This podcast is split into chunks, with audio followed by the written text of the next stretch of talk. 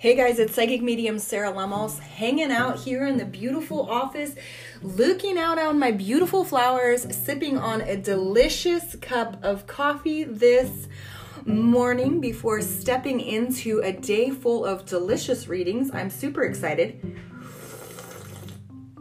But first, a taste of that delicious coffee. Mmm, mm, what's in your guys' cup this morning?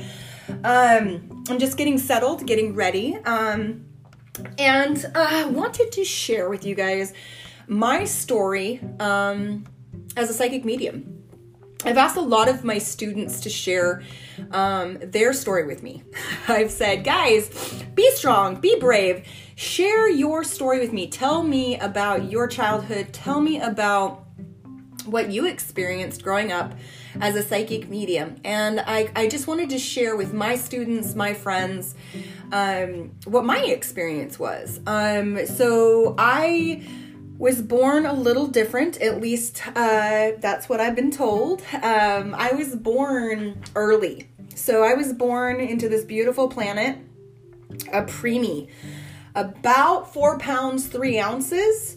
Um, and so coming into the world itself, there was a little bit of a struggle. Um, and for some empaths and sensitives, they've noticed that. So that's something that people are starting to take notice is how we are a little bit different, right?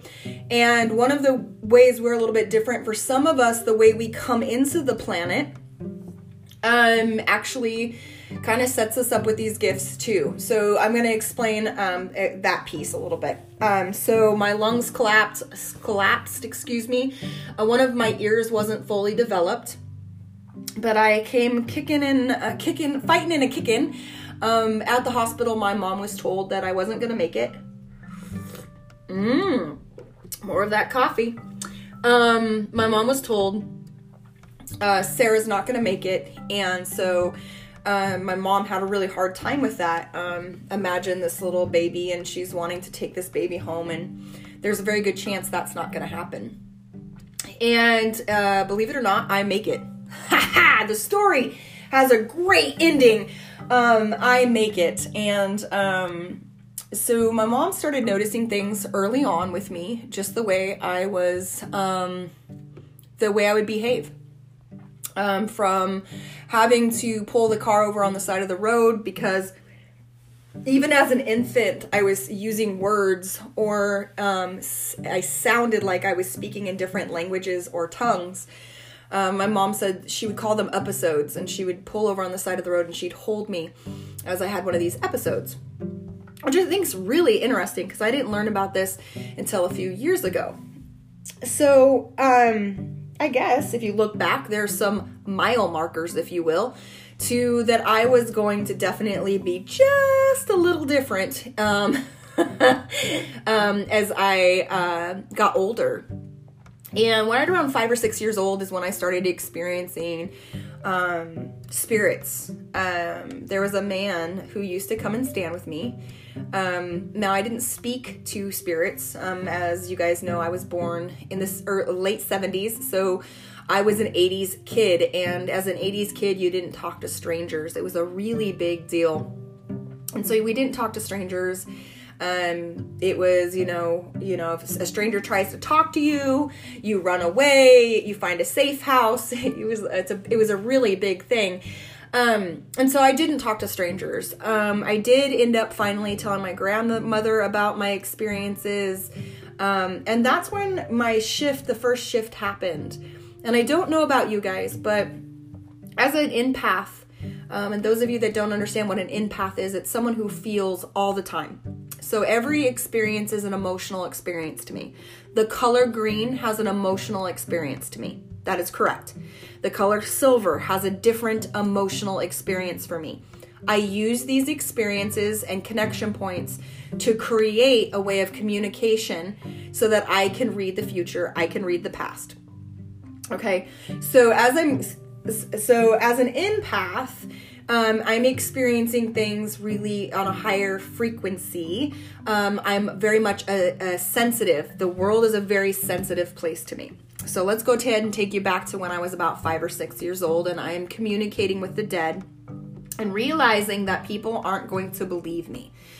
that something I just said about talking to the dead as I looked at my parents' faces or as I um, started to connect with the people around me was that only my mom seemed to understand these type of things and i didn't even understand on what level. Um, so um, i struggled and i struggled with education um, I have a severe learning disability. Um, I'm dyslexic. Um, and that kind of makes sense now because, as you guys know, I teach and educate on metaphysics. And one of the things I talk about is mudding. And I think that there's actual natural mudding that occurs um, that we're born with and or we learn to survive with.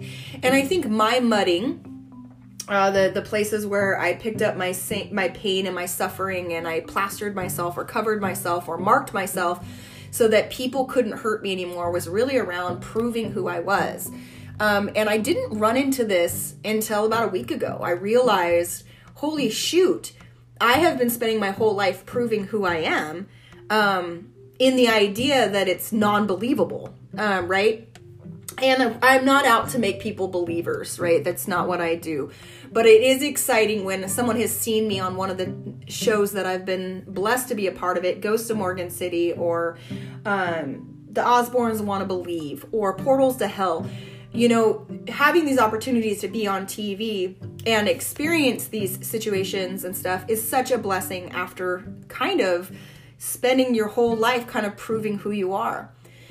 So I started seeing animals really early on animal spirits. And this was something that I, I, I noticed five or six years old. Um, geese, ducks, these type of animals um, in spirit. Yes, animals in spirit. Um, and I that I think was easier for me to understand as a young kid. Um, for some reason, I always kind of felt like they were always training me. I was always being taught something uh, when it came to metaphysics, the idea of thought and the idea of the paranormal. And I lived a very um, interesting childhood because of all of this. And I did experience and, and would love to share some of my stories with you guys. Um, things that I saw at a very early age seven years old, 10 years old. Um, waking up with spirits standing over me, um, learning to hold your breath for long periods of time. I don't know how many of you out there have done that where you just hold your breath because you just don't want them to hear you. So, as a teen, it was difficult because I wanted to be like everyone else. And I think that's normal for all of us. Like, we want to belong, we want to um, have this opportunity um, to be just like everybody else.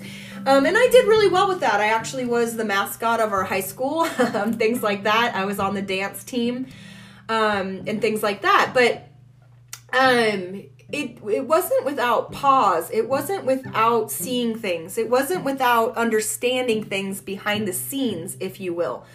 I always kind of had one foot up because i could always i always knew what people were really experiencing. The words that were coming out their mouth wasn't necessarily connecting with the emotions that they were feeling. And as a empath and a sensitive at 16 years old i was willing to tell you and if you were an adult, I didn't care. The things that came out of my mouth were truth, they were honest. But most people didn't want to hear it. And I was, uh, I spent a lot of time, and this is not a joke, I spent a lot of time at the principal's office. Now, I got along with the vice principal very well, um, to, honest to goodness, because I would just say it like it is. This teacher is, uh, you know, doing this, but they really mean this. Um, and it wasn't, it was not hard for me to see this, but it was hard for me to emotionally experience this. Emotionally, as a teenager, already having all these hormones and all these other things, my body changing, my brain changing, my biochemistry changing. And here I am seeing dead people and things start to move around things like tapes and cards and and and and brooms and TVs things started to change and move and and and it started getting really scary and I wanted it to go away. And I think for many of us those of us born sensitive, those that realize that we were gifted at a very, very young age, we struggle with this. This is a struggle. Realizing that we were different, realizing that we could feel other people's emotions, really realizing that um that and shit, I'm a teenager. All I want to do is be me. And I don't want to catch on to people's uh, lying. And I don't want to know that my one teacher is really a really not a great person. And that was really hard looking at a teacher and reading them as a young kid and still having to be respectful. Um, and I think that's where a lot of young sensitives struggle is because you're telling me one thing and your emotions are showing me something totally different. Now, this is very real for a lot of us sensitives. Another drink of that delicious coffee. So, when I made it into adulthood, when I made it to into the beautiful um, 30s, I guess I should say, um, no, mind you, there's not a port of a time in my life that I can remember my gifts not being active. There's not a time that I can't remember back to where something didn't happen. But I'll share those with you guys another time. As I made it to 30 years old, things really, wow, they started to change. Um, I was a, a young mom of two kids. Um, at this point, I had been married oh 10 years i think and was really in the thick of life when it shook me to my core when it was no longer an option uh, for me not to work with spirit to to not do what I was born to do to not work with my purpose which is communicating for the dead a lot of people get that confused. They think I work for them when they sign up for a reading. It's not true. I work for the other side. Um, I absolutely 110% work for the other side, communicate for the other side. And it was made very clear to me um, in those early 30s that I was going to use my gifts. Now that's a whole nother story, and I promise one day I'll share that really spooky, scary story that made me realize that it was time to step into my gifts as a psychic medium. Because at 30, my early 30s, I could see the dead all the time. It was starting to affect my life and it was starting to affect my health. So you have to understand, as an empath, I'm constantly feeling the death of those who are in spirit around me.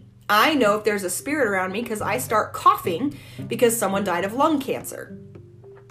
So for me, it was experiencing things physically all the time from a headache, gut ache, or literally feeling like my, my heart is going to beat out my chest. Feeling anxiety for other people living in the home that wasn't even mine, or getting up to take a Tylenol when my ex husband had a headache. Yes, this was my reality. Now, this was back before it was cool to be a psychic medium. I'm not to lie to you. So, coming out as a psychic medium um, was hard. It was very difficult.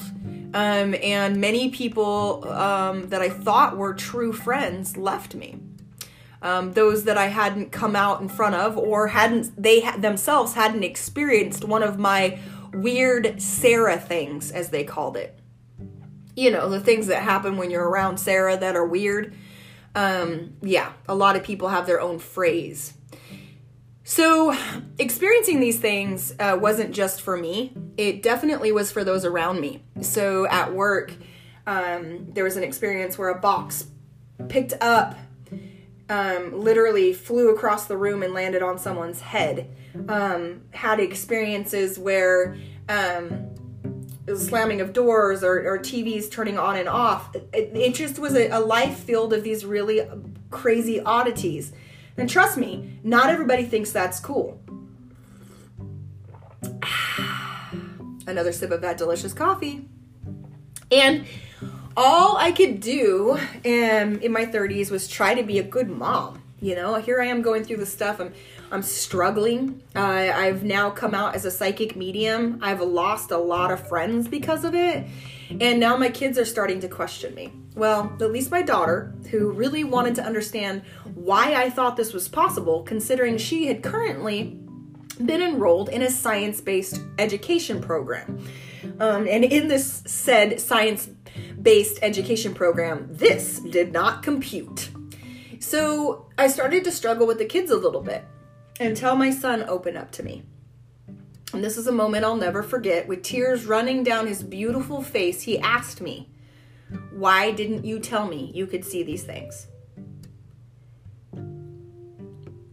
I said, Bubba, I just did. I, I just told you. Mom's a psychic medium. I can see things that people can't see. Tears running down his beautiful face, he said, When does it go away? And I said, Bubba. And he's like, Yeah, mom, I've been seeing things, hearing things, feeling things. Things are waking me up at night. He had been having all these experiences until I was willing to take on my gift again and say, No, I have to continue to be Sarah Lemos. I have to choose to continue to educate myself in metaphysics and the paranormal. I have to. For Sarah, now my little boy needed the education too. Oh, thank God I wasn't alone at this point and had some incredible ladies in Salem help me out, or I'd have been really, really lost. Really lost. And as I continue to grow and continue to grow, even to the age that I am now, which doesn't need to be spoken about, let me drink another cup of. Co- let me just take another sip right there and just be like, "Oh, sorry guys, I forgot to tell you how old I how old I am." 44 this year. My gifts have really grown.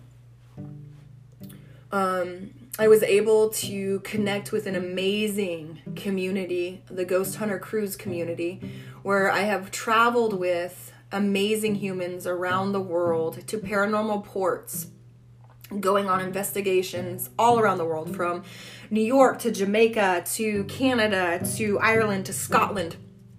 And this really opened my ideas to many possibilities, not just my way of thinking about metaphysics, but the idea that other people have ideas of metaphysics. I mean, hello, Sarah, you're not the only one. Not that I ever really truly thought I was, even though I felt really alone in all of this, and have always felt really alone, believe it or not. Then on to being able to work um, on Ghosts of Morgan City, Portals to Hell, The Osbournes Want to Believe. I just feel really blessed to be able to now share my gifts with the world without fear. Now, do people put me down? Oh, you bet, all the time. From I don't look the part, I don't sound the part, from I'm not educated enough, to the fact that um, they just don't believe what I have to say. It doesn't hurt because what I've come to realize is that there's more people like me than there isn't. So I can help those and build a community of those that are like me, those that feel deeper, see further, hear more, simply know tons. These are the people that I now bring into my community. Our tribe that thrives on Facebook grows every single day with people who want to learn, people that don't want to be ashamed of who they are anymore. So, I guess my story, well, it's a bit sad and exciting. It's really scary. And if you don't mind holding your breath, you'll make it to the end, which is really awesome. I now teach students all around the world. All around the world. I have students in Australia, I've had students in Spain, I've had students in Ireland and England. I have had students, you name it, I've had them, and they're amazing humans reaching for their own soul, realizing that it's okay to trust and take the next step in their beautiful growth and becoming the person they were always meant to be self. I don't have all the answers, but I love to teach and I love to guide, and I'm constantly striving to learn more. If you want more information about my classes, check out mediumsarahlemos.com because we have tons of classes that are going to be offered this summer, all the way from Reiki, mediumship, psychic abilities, how to spruce up your home, all the way to starting my teen program, which many people have been asking about, and working with your kids and their gifts. Because you know what? I think at five years old, it would have been really cool to know that my mom and dad knew that I was a sensitive and that I was experiencing the world in a heightened place. And that this was a true place for me to come and be, but it was time for me to grow. Now, Spirit took the lead on that one. But I am still wanting to grow my education program for everyone in need because I don't want anyone to feel alone. Thank you all for sharing your stories with me, and thank you for listening to my story. You are always welcome on the tribe at Facebook, and you know I'm only a message away. Sending light and love to each and every one of you. Thanks for hanging out with me here on Medium Sarah Lemos.